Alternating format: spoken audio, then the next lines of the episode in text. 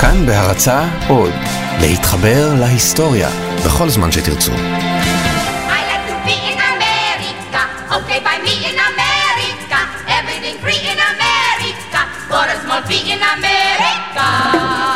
כמעט בטוח יצא לכם לראות בחיים מחזמר אחד לפחות.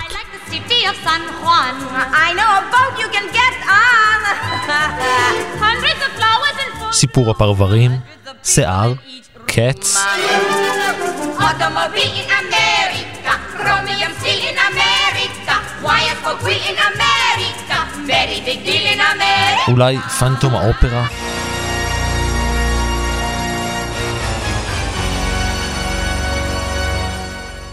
אנסמבל שחקנים, זמרים ורקדנים, כולם על במה אחת, במופע תיאטרלי ססגוני.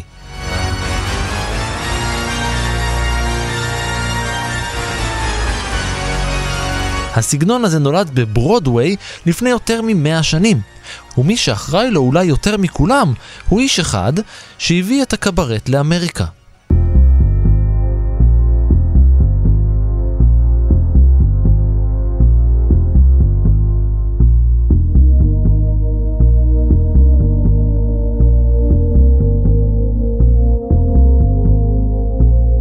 היי, אני רן מנהר ואתם על מנהר הזמן. מדי פרק אנחנו מספרים לכם על מקרה שקרה בעבר מזווית שכנראה עוד לא הכרתם. הפעם נספר לכם על זיגפלד פוליז, אנסמבל הקברט האמריקאי המצליח ביותר בכל הזמנים, ששינה את פניה של ברודוויי לנצח.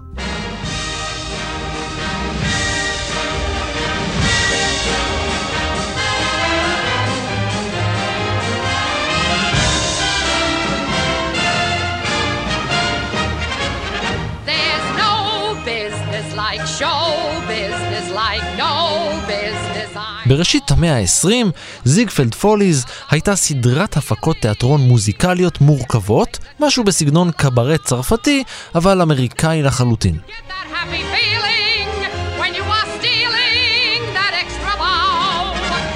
פולי בצרפתית זה שטויות או טירוף. וזיגפלד שאב את הרעיון מהופעות הקברט הפריזאיות פולי ברג'ר, הרועים המשוגעים.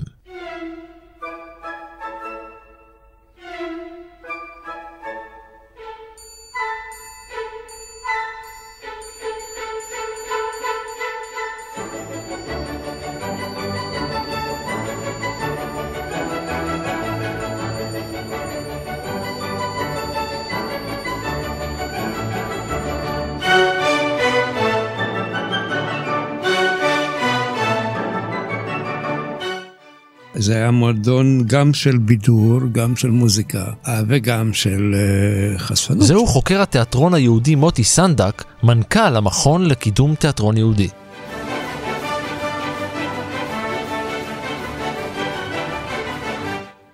שם גם אה, היו בעצם הופעות, אה, התגלו הופעות הג'אז הראשונות. הוא כלל גם אופרטות, גם מחול, כמו שאמרתי, גם מוזיקה. אה, אפשר להגיד שהכוכבת הגדולה ביותר שבעצם התגלתה הראשונה הייתה ג'וספין בייקר. אנחנו יכולים לזכור שבעצם אנשים ציירים מאוד מפורסמים נהגו לבלות שם. אם רק אני אזכיר את לוטראק ומאנה ודגה. והפוסטרים אפילו שהם ציירו, אה, שכללו את היופי של הרקדניות עם הרגליים למעלה והמלמלות וכולי וכולי. הצבע הנפלא שהיה בפוסטרים הנפלאים האלה שחבל שיש לראות את אותם. זיגפלד פוליז הקים איש אחד, פלורנס אדוארד זיגפלד.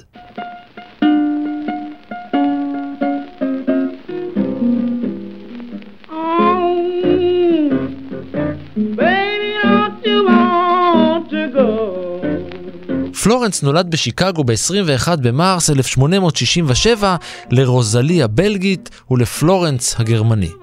כן, גם לאבא שלו קראו פלורנס, אנחנו נקרא לו פלו, כמו שקראו לכולם. המשפחה של פלו הייתה מיוחסת יחסית. אמא הייתה אחיינית שלישית של אתיין מוריס ג'ראר, הרוזן והמפקד הצבאי הבלגי, וסבא מצד אבא היה ראש עיריית יבר בגרמניה. למרות ששם המשפחה מטעה וניתן בקלות לחשוב שמדובר במשפחה יהודית, הזיגפלדים היו נוצרים לגמרי. אבא היה לותרני, והאימא ופלור היו קתולים.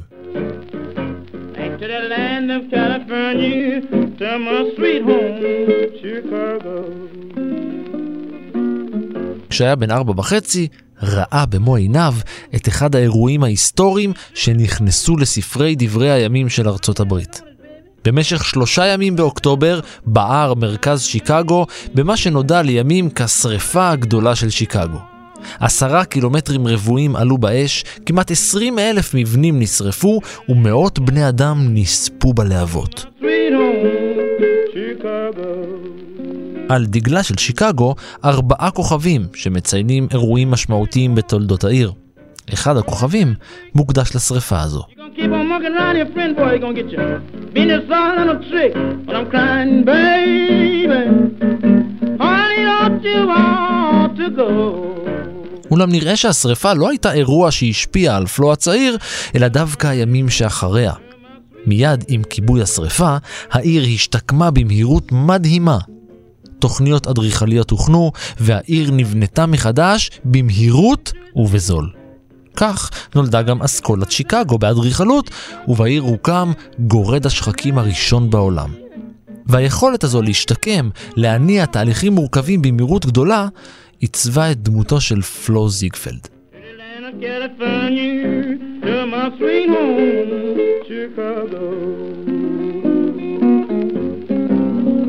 מה עוד השפיע עליו? היריד העולמי.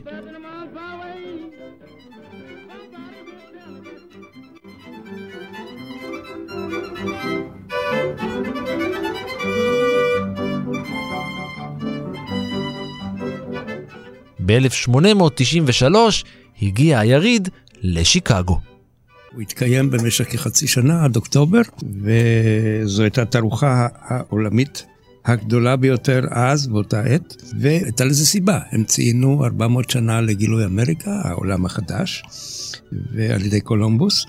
ובמרכז של אותו יריד שכלל המון אטרקציות היה מה שנקרא נבנתה העיר הלבנה. אז שם באמת מה שהומצא זה כמה דברים מאוד שהיום הם נראים לכאורה כמובנים אליהם. אם אתה הולך למשל לכל פארק שעשועים אז אתה רואה את הגלגל הענק. הגלגל הענק הופיע פעם ראשונה שם. הנושא של אורות הניאון, אנחנו מדברים אז בדיוק, זו התקופה של המצאות אדיסון וכולי, והחשמל התחיל להתגלות, אז אורות הניאון, ופארק השעשועים שכלל את כל האטרקציות, מין, מין לונה פארק כזה, מה שאנחנו מכירים היום. מה הקהל בעצם אכל, כי אי אפשר, אה, אתה יודע, רק לבלות ולשמוע מוזיקה ולטייל בין הדוכנים. אחד הדברים שהקהל גילה אז, המסטיק, גומי הליסה. של ריגלי, בטעם פירות. היה הפופקורן, שהיה מצופה בטעם בוטנים, ואחד החטיפים הפופולריים ביותר היו גם הדגנים של הבוקר, השיבולת שועל, מה שעד היום אנחנו מכירים, ואחד הדברים הכי ידועים שמוכרים בירידים זה הצמר גפן המתוק. אבא של זיגפלד, זיגפלד האבא, לא בזבז זמן. ביום יום שלו הוא הפעיל וניהל את הקולג' למוזיקה של שיקגו, אבל כדי לנצל את הקהל האדיר שפקד את היריד, הוא פתח את הטרוקדרו, מועדון לילה שנקרא על שם הטרוקדרו בפריז. היריד העולמי התקיים ב-1889 בפריז, אז הוקם גם מגדל אייפל לכבודו. הטרוקדרו הוא האזור שמול המגדל בצד השני של נהר הסיין. כדי לעזור לאבא שלו למשוך עוד לקוחות, פלו בן ה-26 שכר את שירותיו של יוג'ין סנדו, שהיה איש חזק. ממש חזק. כל כך חזק, שפלו חשב שאנשים חייבים לראות אותו על במה. אז הוא התחיל לנהל אותו וסגר לו הופעות. פלו זיקפלד הפך למפיק.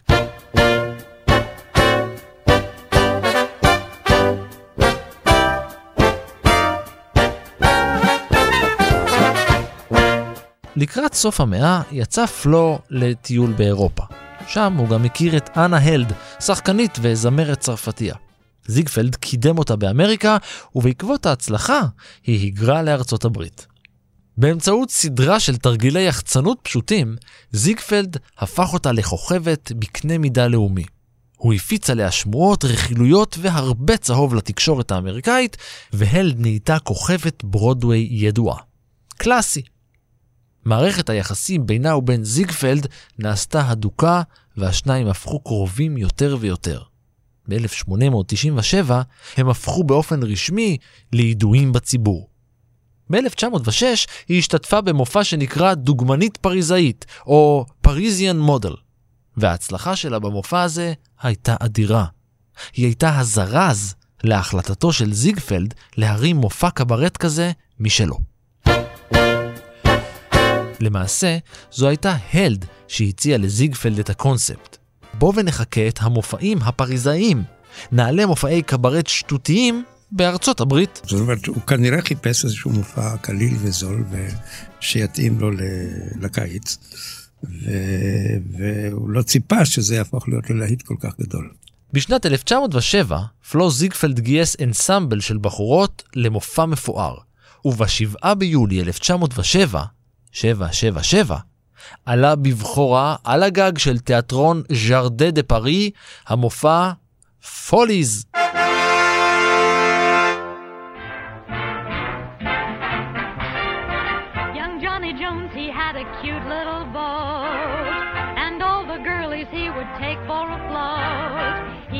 היו שם תלבושות ותפאורות מתוחכמות, בחורות יפהפיות שנבחרו בקפידה על ידי זיגפלד עצמו, והוצגו שם קוריאוגרפיות מרשימות למוזיקה שהולחנה על ידי היוצרים הגדולים של התקופה. מי? לא שמות יותר מדי גדולים, רק ארווין ברלין וג'ורג' גרשווין למשל. and התוצאה הייתה להיט כל כך ענק, שזיגפלד החליט להדביק לו את השם שלו, וכך נולד זיגפלד פוליז, האירוע המרכזי של השנה על בימות ברודוויי. מה שבאמת עשה את זיגפלד פוליז לאירוע מדובר, היו הבחורות. אוסף של רקדניות וזמרות להוטות שהוגדרו כנשים היפות ביותר בעולם. זה לא רק הבחורות, זה הלבוש שלהם, האיפור שלהם, והעמדה, הסצנוגרפיה המונומנטלית, שאחר כך באה לידי, לידי ביטוי בסרטים, בצורה שפשוט יכולה להדהים עד היום. בואו לא נשכח שאנחנו מדברים על עידן שבו הקולנוע היה רק בראשית אה, צעדיו. ונעשו שם דברים גם מבחינה צילומית וגם מבחינת תפאורה והשקעות. והמדובר, אתה רואה לפעמים סצנות של לא עשר או עשרים רקדניות, אלא לפעמים מאות רקדניות, כאשר אתה רואה בצורה של פרחים שנפתחים ונסגרים במבט מלמעלה של מצלמה מרחפת, או גלי ים. שכל זה נעשה על ידי מאות רקדניות שעולות ויורדות בסטים של מדרגות, שזה אחד הדברים הכי ידועים אז, ב- ב- ותפאורות שמצופות או בנצנצים או בלקה שקופה, שהכל היה שקוף ועוד השתקפו בתוך, ומראות, והמון מראות וכולי. הן הפכו לשם דבר ברחבי אמריקה כולה. עם השנים הפך הפוליז למופע מפואר שכמותו מעולם לא נראה על הבמה. אומנים, מגישים ואנשי תרבות מפורסמים ואפילו מצליחים השתתפו במופע של זיגפלד, ולמרות ההצלחה הקודמת שלהם, עלייה על הבמה בזיגפלד פוליז הייתה הדרך המהירה להצלחה אדירה ולפרסום מטורף. מרילין מילר, וויל רוג'רס, אדי קנטור, רות אטינג, נורה בייס. אולי השמות האלה לא אומרים לכם כלום היום, אבל בזמנם הם היו הכוכבים הגדולים ביותר בעולם. פאני ברייס, שהייתה כוכ- כוכבת יהודייה מאוד מאוד גדולה, בחורה לא כל כך יפה אגב, אבל היא הצליחה באמצעות, היא נהגה לעשות מימיקה דווקא מאוד מוגזמת, וזה מה שהצחיק. ו... ואחר כך, בעקבות הפוליס, גם אחרי שהמופעים ירדו והיא כבר עזבה והכל נסגר, היא המשיכה אחר כך בתוכניות רדיו, עם אותה דמות שהיא הייתה טיפשית שגילמה בפוליס. וככל שהלכו המופעים והתפתחו, כך גם הציבור הרחוק מברודוויי שמע עליהם.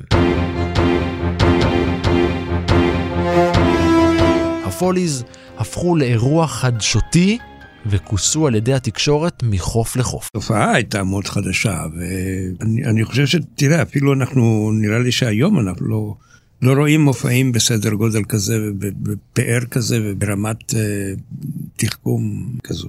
אבל עם ההצלחה הגיעו הצהרות. גם את ליליאן לוריין גילה זיגפלד כשהייתה בת 15 והופיעה בהפקה מקומית. כמו שלפעמים היום בדוגמנות הולכים ורואים איזושהי בחורה יפה, אז או לבוא איתו בחני, או יכול להיות שהיה סוג של, אתה יודע, מה שהיום הפך להיות ה...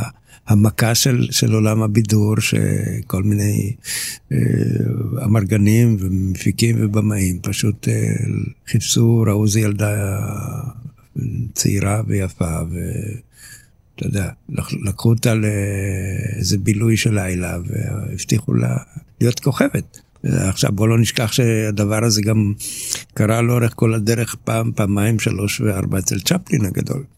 זאת אומרת, הוא, היו לו כמה שמונה נשים, והוא התחתן כל פעם עם בת 17 או 18 או 16 או 19. כולן היו כוכבות שלו, ואגב, כולן היו מוכשרות, הם כולן הצליחו להחזיק לו את הסרטים. זאת אומרת, הוא ידע, היכולת להבחין באמת ולבחור את הדמות הזכור שבתחילת הסרט המדבר היו בעיות עם ה... היו שחקניות שלא היה להם קול, ואז אה, כשהיה צריך זמרת, אז לקחו זמרת ושמו סינק ו... הם נעלבו וכולי, והיה צריך להחליף אותם לפעמים.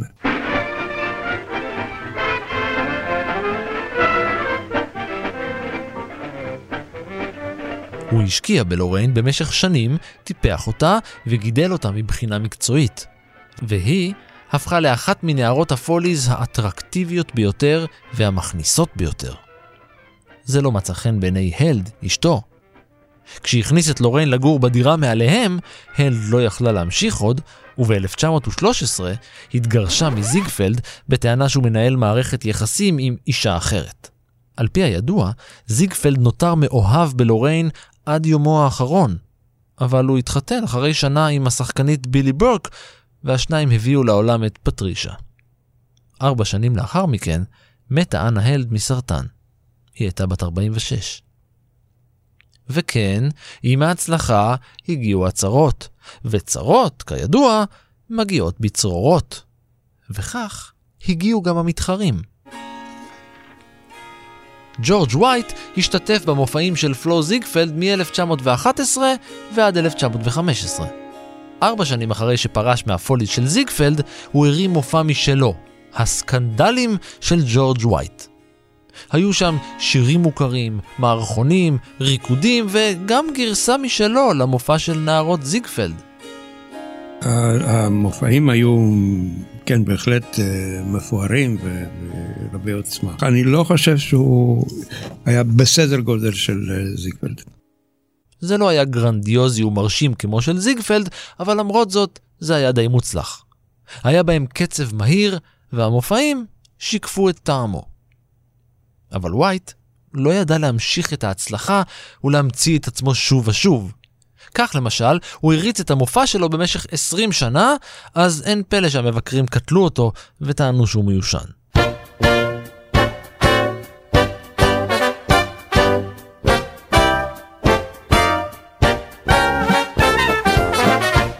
ההצלחה האדירה של זיגפלד הכניסה לו כל כך הרבה כסף, והוא השקיע אותו בחוכמה. בהשקעה של 2.5 מיליון דולר, הוא בנה תיאטרון משלו בניו יורק, והוא היה אדיר, 1,600 מושבים. והוא הפך להיות לבכיר האמרגנים של ברודווי בעצם. הוא פשוט, הוא היה כל כך חזק בתעשייה, שהוא הצליח לגייס משקיעים מצד אחד, אבל הוא גם כאילו צבר המון כסף במהלך השנים מתוך ההופעות הגדולות שהוא עשה. את הכסף הוא לווה מאל התקשורת ויליאם הרסט, שלאחר מותו של זיגפלד השתלט על המקום. בינתיים, עוד לפני שהוא מת, זיגפלד המשיך להצליח. ב-1927 נפתח תיאטרון זיגפלד עם מופע בהשתתפות כמעט 500 זמרות ורקדניות, והמופע שאחריו, שואו-בוט, כלל 572 אנשים על הבמה. שנת השעשועים בכלל היה הצלחה אדירה באותה עת. הוא השקיע את כל, הוא המיר על זה, השקיע בזה המון כסף. אז, בסכומים של אז, שתיים וחצי מיליון דולר בהפקה של ספינת השעשועים. זה היה אחד המופעים המצליחים בהיסטוריה, והוא עלה בגרסאות מחודשות לאחר מכן עוד ארבע פעמים, וזכה בכמה וכמה פרסי טוני. רק שאז, הבורסה קרסה.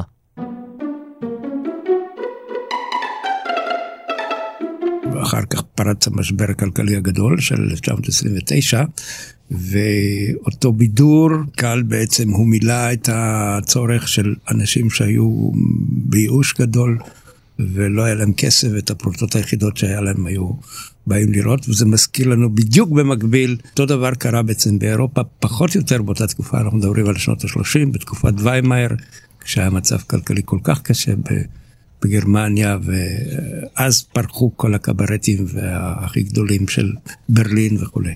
וזה מעניין שהשילוב הזה, לכאורה קונטרוברסלי של מצד אחד קריסה כלכלית, אבל מצד שני פריחה כלכלית, שיוצרים דווקא התעשייה, תעשיית הבידור וה... והתרבות יוצרת את הכלכלה. דווקא בתקופה כזו של, של קושי כלכלי, אנשים uh, צריכים איכשהו להרים את הראש, אז הם חיפשו איכשהו לבלות ולצאת ולראות דברים, ולפעמים, אתה יודע, בבחירה בין לחם ושעשועים, הם uh, במקרים מסוימים uh, הוציאו את הדולר האחרון על השעשועים מאשר על הלחם.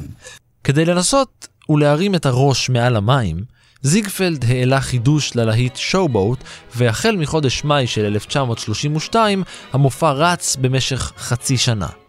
בימים של שפל כלכלי, מדובר בלהיט היסטרי.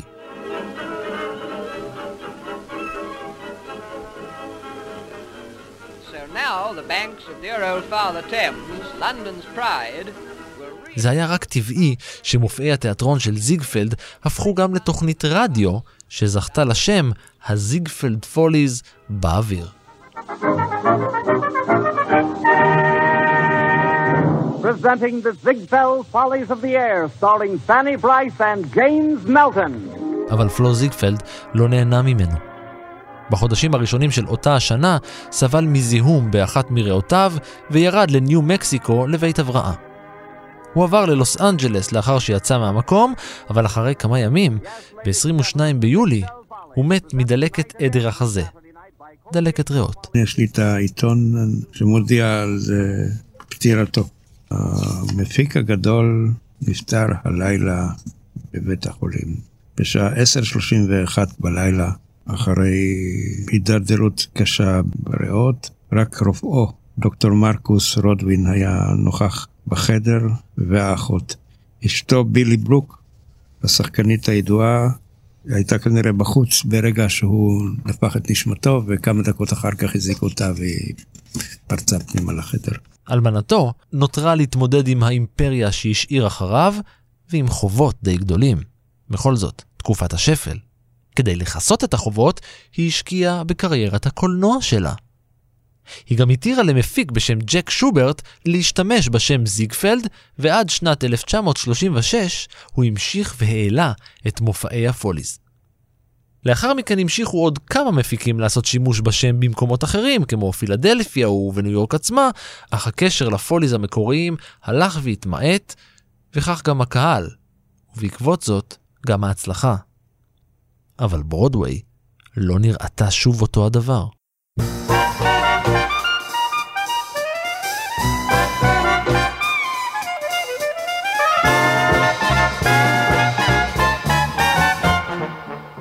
What good is sitting alone in your room? Come hear the music play. Life is a cabaret, old chum. Come to the cabaret. שזה היה בעצם התשתית או הקיקאפ של כל תעשיית המחזמרים. הרבה מאוד מהאומנים והיוצרים שעשו את זה והיו שם גם בפוליס וגם כל התעשייה עצמה של המחזמרים היו יהודים.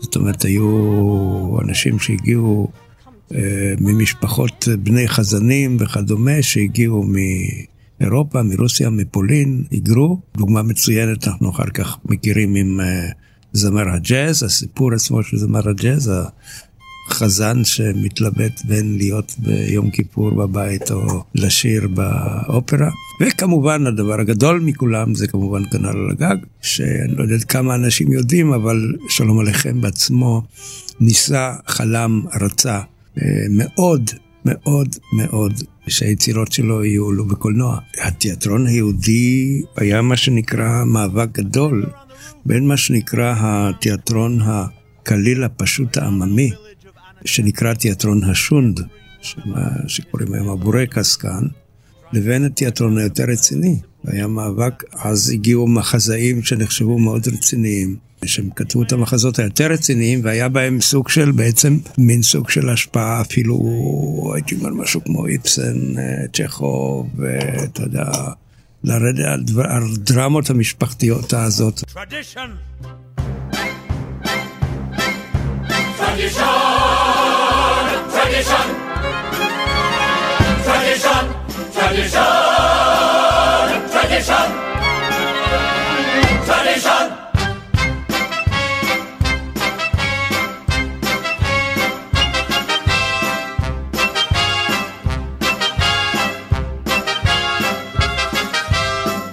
Because of our traditions, we've kept our. מחזמר על בימות ברודוויי כיום לא היה נראה כפי שהוא נראה, אלמלא התמהיל הייחודי של זיגפלד. סטייל, תחכום והרבה שואו קליל ולא מחייב. בסך הכל עד שנת 57, זיגפלד פוליז העלו 14 מופעים, וב-50 שנותיו השתתפו בו מאות נשים צעירות. ספרתי.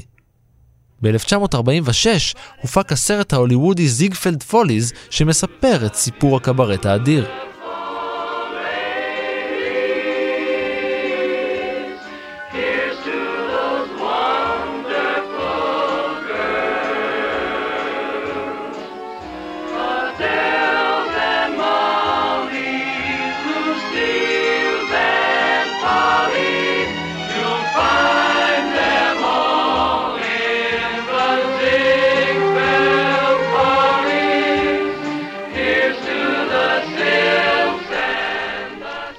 זו הייתה הגרסה הקולנועית השלישית לסיפורו המופלא של פלורנס זיגפלד, שנכנסה ישירות אל פסטיבל קאן. כיכבו בה פרד אסטר, ג'ודי גרלנד, ג'ין קלי ולוסיל בול, לצד כוכבים גדולים מהתקופה. בין השחקנים הייתה גם פאני ברייס, שהייתה חלק מצוות הפוליז המקורי במשך עשר שנים. ג'ודי גרלנד השתתפה בוורסיה קולנועית של הסיפור של זיגפלד חמש שנים קודם לכן בזיגפלד גרל. Mr. Ziegfeld wants to know where you're playing tonight. Oh, the Harlem Opera House.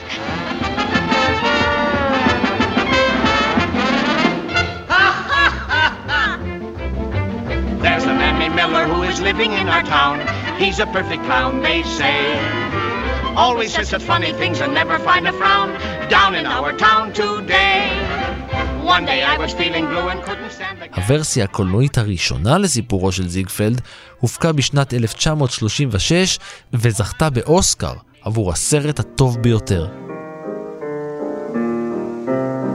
A pretty girl is like a melody. במהלך הסרט הושמע השיר A Pretty Girl is Like a Melody שכתב ארווין ברלין.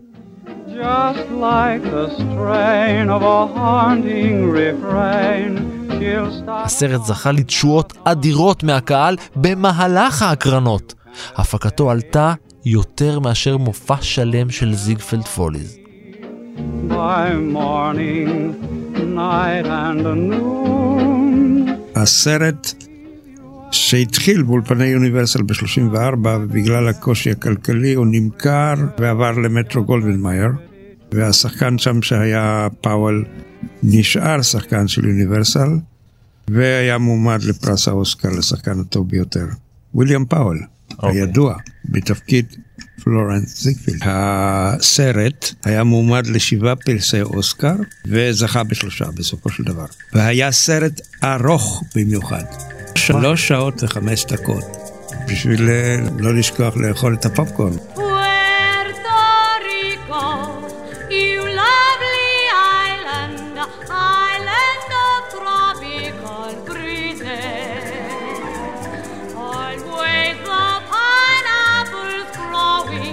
ועד כאן מנהר הזמן להפעם. תודה למוטי סנדק, תודה גם לאור מנהר שלבש את בגדי הקברט והיה על ההפקה, ולניר גורלי שרקד ושר והיה על העריכה.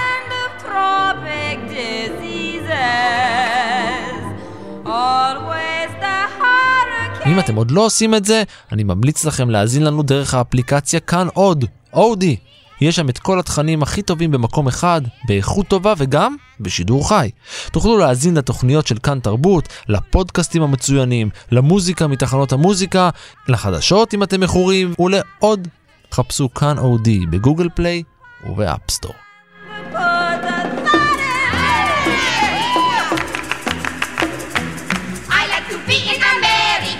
Okay, by me in America. Everything free in America.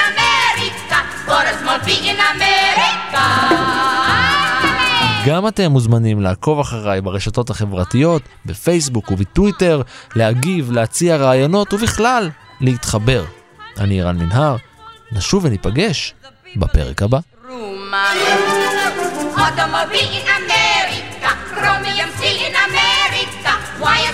In America. Very big deal in America.